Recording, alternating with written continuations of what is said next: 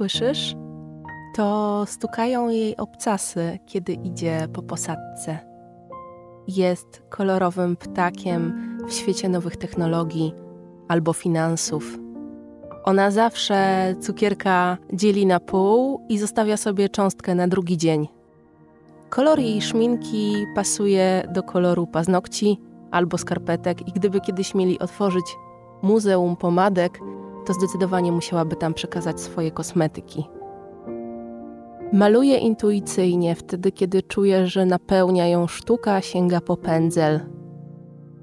Ona jest liderką przemówień. Kiedy staje na scenie, to właściwie ona jest sceną i publiczność jest nią, a ten głos po prostu płynie.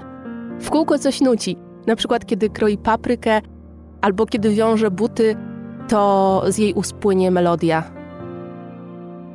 Jej pokój przypomina egzotyczną wyspę wypełnioną roślinami z najróżniejszych krajów i najdalszych zakątków.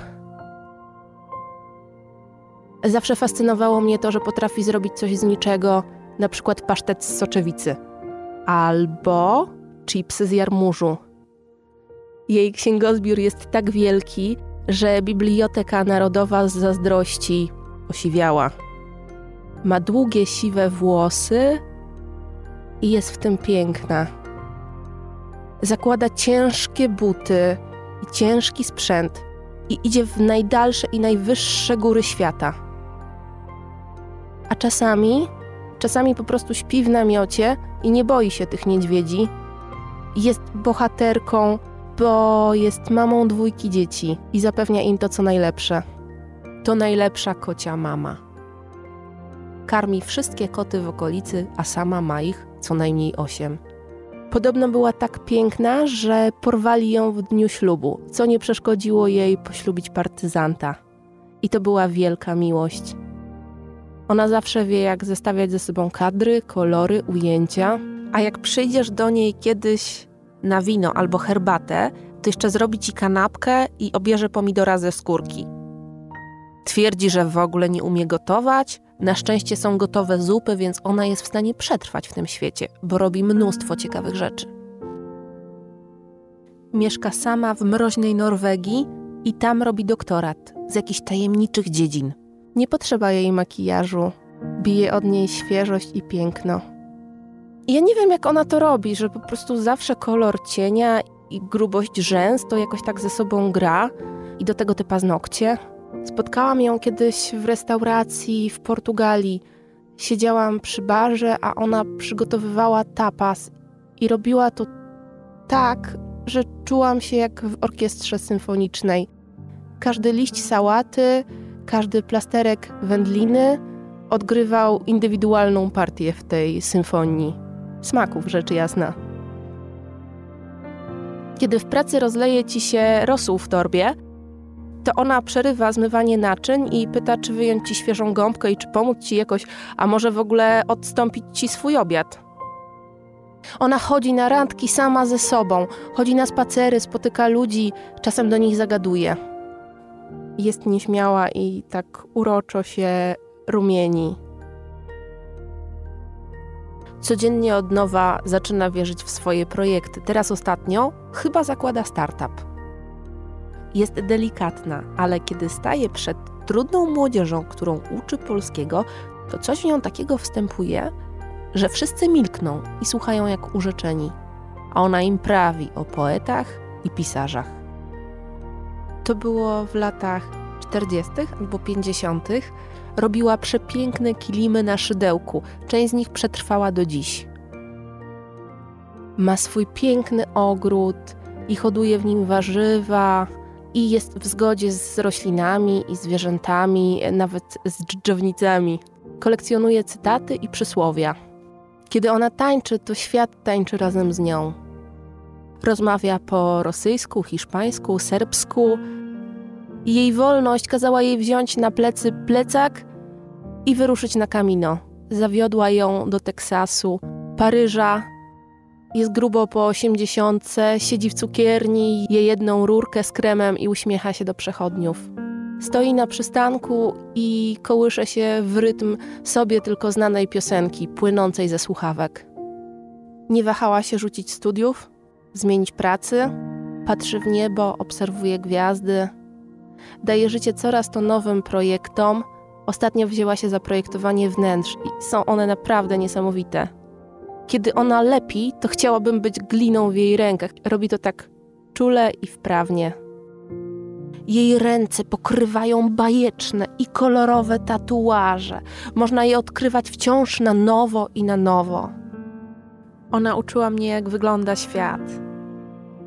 Tego, jak szumi morze w muszli przyłożonej do ucha, jak piecze się ciasta, jak przetrwać mimo przeciwności,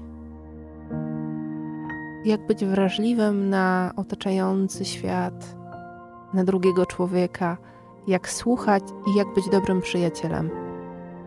Bywa zmęczona, zniechęcona, czasami płacze, wścieka się, krzyczy i tłucze talerze. Jest przytłoczona codziennością, ma dosyć, chce pobyć sama, chce iść to wytańczyć. Czasami w siebie wątpi, czasami wydaje jej się, że to jest już koniec świata.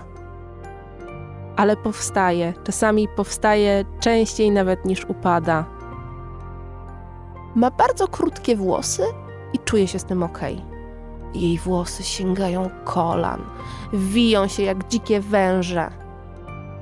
Jest głośna i cicha, elegancka i swobodna. Jest otwarta i wsłuchana w siebie. Mogłabym tak jeszcze długo, ale mam nadzieję, że spotkacie ją razem ze mną. Kobiecość w eterze, bo tak się nazywa ten podcast, a ja jestem Ola Wójcik i bardzo chętnie dowiem się, czym jest kobiecość w XXI wieku, gdzie ją spotkać, jak ją kształtować. Mam nadzieję, że czegoś się może nauczę od moich gości, a może dzięki nim dostrzegę jakieś nowe aspekty swojej kobiecości. Moje myślenie o kobiecości zaczęło się w gimnazjum, ale w dosyć śmiesznych okolicznościach. Może kiedyś o tym opowiem coś więcej. I tak sobie jestem. Od 29 lat na tym świecie. Oglądam, słucham, podpatruję, zadaję pytania. Czasami je spotykam. Czasami to są moje przyjaciółki, to są kobiety z mojej rodziny, moje mentorki. To są jakieś przypadkowe kobiety, które sprawiają, że po raz kolejny zbieram szczękę z ziemi, dosłownie, bo uważam, że kobiecość jest czymś niezwykłym, czymś niejednoznacznym, czymś, co wymyka się definicjom i warto ją badać, warto ją zgłębiać. Nie chciałabym tutaj mówić, że kobiecość jest lepsza od męskości, albo że jest jakaś, i absolutnie nie mam ambicji podcastu feministycznego, e, który by miał coś udowadniać, do czegoś przekonywać. Ja po prostu chcę się dowiedzieć od moich gości, jak one rozumieją tę kobiecość, jak one w sobie tę kobiecość odnalazły, skąd ona się wzięła, od kogo się tej kobiecości uczyły, jak może musiały tę kobiecość w swoim życiu zredefiniować, jak tę kobiecość niosą w świat, czy robią to świadomie, czy może tak nonszalancko i mimochodem, kiedy czują się kobiece i też jakich środków wyrazu używają do tego, żeby o tej kobiecości mówić. I tak się przyjęło właśnie, że kobiece to są te szpilki, szminki i błyszczyki, fatałaszki, a właśnie tę kobiecość czasami spotykamy na szczycie Giewontu, gdzie przypięta łańcuchem w ciężkich butach oddaje komuś batonik, albo wręcz przeciwnie, mówi: Nie, to jest mój batonik, ja jestem głodna, więc teraz księżniczka się naje.